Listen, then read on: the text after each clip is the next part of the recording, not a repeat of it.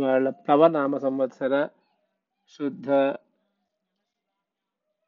వైశాఖం చైత్రమాస చైత్రశుద్ధ చవితి శుక్రవారం సాయంత్రం బాలకాండ ఏ పదకొ పదకొండవ సర్గ ప్రారంభం. అథ ఏకాదశ సర్గ ప్రారంభ. సుమంత్రుని ఉపదేశము ప్రకారము దశరథుడు అంగదేశమునకు వెళ్ళి రోమపాదుని ఒప్పించి శాంతారుష్య శృంగులను అయోధ్యకు తీసుకుని వచ్చుట. भूय एव हि राजेन्द्र मे वचनं हितं यथा स देव प्रवरः कथयामेव मब्रवीत्। जातो भविष्यति सुधार्मिकः। नाम्ना दशरथो नाम श्रीमान् सत्यप्रतिश्रवः। अङ्गराज्येन सख्यं च तस्य राज्ञो भविष्यति। कन्या चास्य महाभागा शान्ता नाम भविष्यति। महाराजा శరత్ కుమారుడు కథలో ఇంకా ఏమని చెప్పినాడో చెప్పేదనం. హితకరమగు ఆ విషయమును వినుము. శ్రీమంతుడును సత్యప్రతిజ్ఞుడును పరధార్మికుడును అగు దశరథుడు అను పేరు గల రాజు ఇక్ష్వాకు వంశంలో పుట్టగలడు. ఆ దశరథునకు అంగరాజుతో స్నేహం ఏర్పడును. ఆ అంగరాజునకు శాంత ఎనుడు మహాభాగ్యవతి యొక్క కుమార్తె పుట్టగలదు. పుత్రస్తు సుసోంగరాజ్యస్య रोमपाद इति श्रुतः। तं स राजा दशरथो गमिष्यति महायशाः। आनपत्योऽस्मि धर्मात्मन् शान्ता भर्ता मम क्रतुम्। आहरेतत्त्वया ज्ञप्तः सन्तानार्थं कुलस्य च। राज्ञोऽथ तद्वाक्यं मनसा विचिन्त्य च। सत्ये पुत्रवस्तं पुत्रवन्तं शान्ताभर्तरमात्मवान् प्रतिगृह्य च तं विप्रं स राजा विगतज्वरः आहरिष्यति तं यज्ञं प्रहृष्टेनान्तरात्मना तं च राजा दशरथो यष्टुकामः कृताञ्जलिः ऋष्यशृङ्गं द्विजश्रेष्ठं वरयिष्यति धर्मवित् यज्ञार्थं रसवार्धं च, स्वर्गार्थं च नरेश्वरः लभते च सतं कामं చ సతం కామం ద్విజముఖ్యాది ద్విషాం పతిः పుత్రాశ్చాస్య భవిష్యంతి సర్వలోకేషు విశ్రుతాः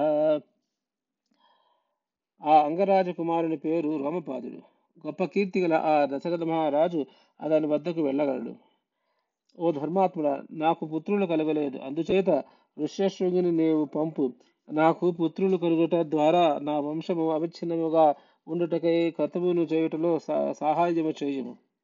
రోమపాదుడు దశరథ మాటలు విని బాగుగా ఆలోచించి పుత్రులు గల అనగా తపో మహిమచే ఇతరులకు పుత్రులను అనుగ్రహింపగల ఋష్యశృంగుని పంపగలను దశరథుడు ఋష్యశృంగుని తోడ్కొని వచ్చి మనోవ్యత శాంతింపగా సంతోషించిన మనస్సుతో యజ్ఞం చేయగలడు.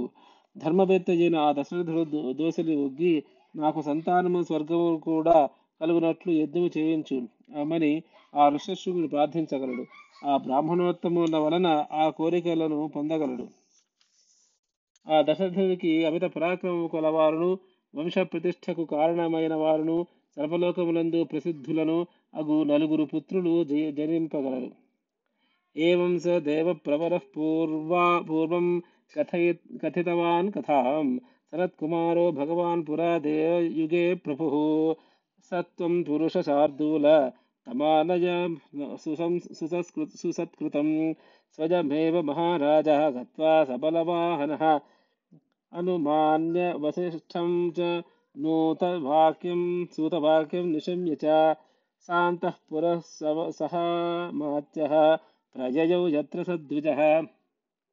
वनानि सरितश्चैव व्यतिक्रम्य शनैः शनैः अभिचक्रामतं देशं यत्र वै मुनिपुङ्गवः आसाद्य तं द्विजश्रेष्ठं रोमपादसमीपकं ऋषिपुत्रं ददर्श दौ ददर्शादौ दीप्यमानमिवानलं ततो राजा यथा न्यायं पूजाञ्चक्रे विशेषतः सखिभि सखित्वात् तस्य वै राज्ञः प्रहृष्टेनान्तरात्मना ప్రహృష్టేనాంతరాత్మనా చాఖ్యాత మృషి పుత్రాయ ధీమతే సఖ్యం సంబంధకం చైవ తదా తం ప్రత్యపూజయతే పూర్వము కృతయుగములో దేవతా శ్రేష్ఠుడైన సత్కుమారుడు కథను ఈ విధముగా చెప్పారు పురుషశ్రేష్ఠుడైన శ్రేష్ఠుడైన ఓ మహారాజా నీవే స్వయముగా సైన్య వాహనాదులతో వెళ్ళి ఆదరపూర్వకముగా ఋష్యశృంగిని తీసుకుని రమ్ము। దశరథుడు సుమంత్రుడి మాటలు విని వశిష్ఠుని అనుమతి కూడా గైకొని అంతఃపురమాతులతో కలిసి ఆ ఋష్యశృంగుడను ఉన్న దేశమునకు వెళ్ళెను. వనములను నదులను మెల్లమెల్లగా దాటుచూ ఆ ఋషశృంగుడున్న దేశములో చేరాను. ఆ నగరము చేరగానే దశరథుడు రోమపాదుని సమీపంలో ఉన్న దిజశ్రేష్ఠుడైన ఋషశృంగుని చూచను. అతడు ప్రజ్వలించు ప్రజ్వలి ప్రజ్వలించుచున్న అగ్ని వలె ప్రకాశించుచున్నాడు దశరథుడి రాకచే సంతోషించిన రోమపాదుడు యథాశాస్త్రముగాను మిత్రుడొకటచే విశేషముగాను దశరథునికి ఆదర సత్కారము చేశాను రోమపాదుడు తన దశరథునితో తనకు దశరథుతో దశరథునితో ఉన్న స్నేహ బాంధవ్యములను గూర్చి ఋష్యశృంగునకు చెప్పగా అతడు దశరథుని పూజించను. ఏం సుసత్కృతస్తేన సహోషిత్వ నరఋషభ సప్తాష్ట दिवसान् राजा राजानमिदमब्रवीत्। शान्ता तपसुता राजन् सह भर्तृशाम्बत मदीयनगरं जातु, कार्यं हि महदुद्यतं तथेति राजा संसृत्य गमानं तस्य धीमतः। उवाच वचनं विप्रं गच्छत्वं सह भार्य ऋषिपुत्रः प्रतिश्रुत्या तथेत्याह नृपं तदा।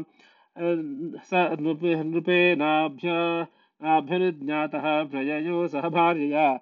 तावन्योन्याञ्जलिं कृत्वा स्नेहात् स्नेहासंश्लिष्य चोरसा। ननन्दतुर्दशरथो रोमपादश्च वीर्यवान्। ततः सुहृदमापृच्छ्य प्रस्थितो रघुनन्दनः। पौरेभ्यः प्रेषयामास दूतान्ये शीघ्रगामिनः। यथा नगरं सर्वं क्षिप्रमेव स्वलङ्कृतं। धूपितं సిక్తసంవృష్టం పతాకాభిరలంకృతం ఈ విధముగా రణశ్రేష్ఠుడికి దశరథుడు రామపాదుడు చేసిన సత్కారములు అందుకొని ఏడెనిమిది దినములు అతనికి అతని అతిథిగా ఉండి అతనితో ఇట్లనను ఓ రాజా నేను ఒక గొప్ప కార్యము తలపెట్టి తిని నీ కుమార్తె అయిన శాంతను భర్తతో కూడా నా నగరమునకు పంపుము. రామపాదుడు ధీమంతుడైన ఋషిశృంగుని అయోధ్య నగరమునకు నగరమునకు అంగీకరించి నీ నీవు నీవు భార్యతో అయోధ్యకు వెళ్ళుమని ఋషిశృంగునితో పలికిను. ఋషశృంగుడు అందులకు అంగీకరించి అటులనే చేసేదనని పలికి రోమపాదుని అనుజ్ఞ గైకుని భార్య సమేతుడై వెళ్ళాను. దశరథుడు రోమపాదులిద్దరును ఒకరికొకరు దోసిరి ఒగ్గి నమస్కారము చేసుకుని వక్షస్థలము కలిగినట్లు కలియునట్లు కలిగి కౌగిలించుకుని సంతసించిరి. మిత్రుని వద్ద సెలవు గైకుని రా- బయలుదేరిన దశరథుడు శీఘ్రముగా వెళ్ళదగిన దూతలను అయోధ్య పౌరులకు తమ రాకకై తెలుపుటకు పంపెను. దశరథుడు అయోధ్య పౌరులకి ఈ విధముగా కబురు పంపెను. నగరు నంతను వెంటనే చక్కగా అలంకరింపుడు. ధూప సుగంధములను వ్యాపింపజేయుడు. మార్గములను తుడిచి నీళ్ళు చల్లుడు. పతాకాలను ఎగురవేయుడు. తతః ప్రహృష్టాః పౌరాశ్చే శ్రుత్వా రాజారమాగతం.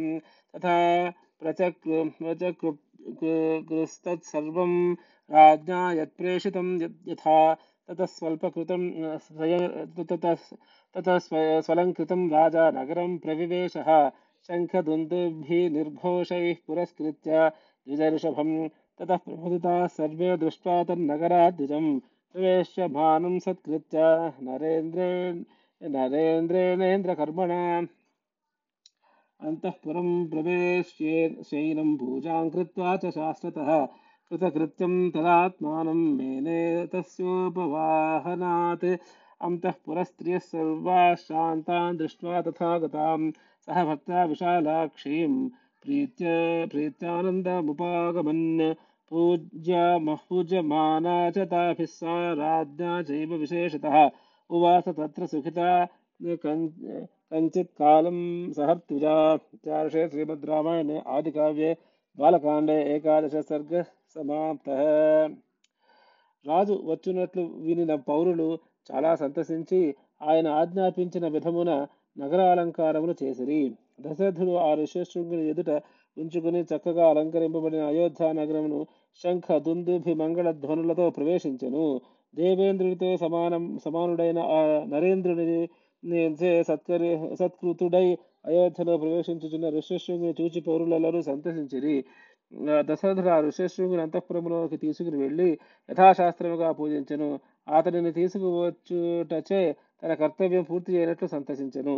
భర్తతో కలిసి వచ్చి విశాలాక్షి అయిన శాంతను చూచి అంతఃపురం స్త్రీలందరూ ప్రేమతో ఆనంద భరితమైలైరి అంతఃపుర స్త్రీలను విశేషముగా దశరథుడు ఆదరింపగా ఆ శాంత ఋషశృంగునితో సుఖముగా కొంతకాలం అయోధ్యలో ఉండెను.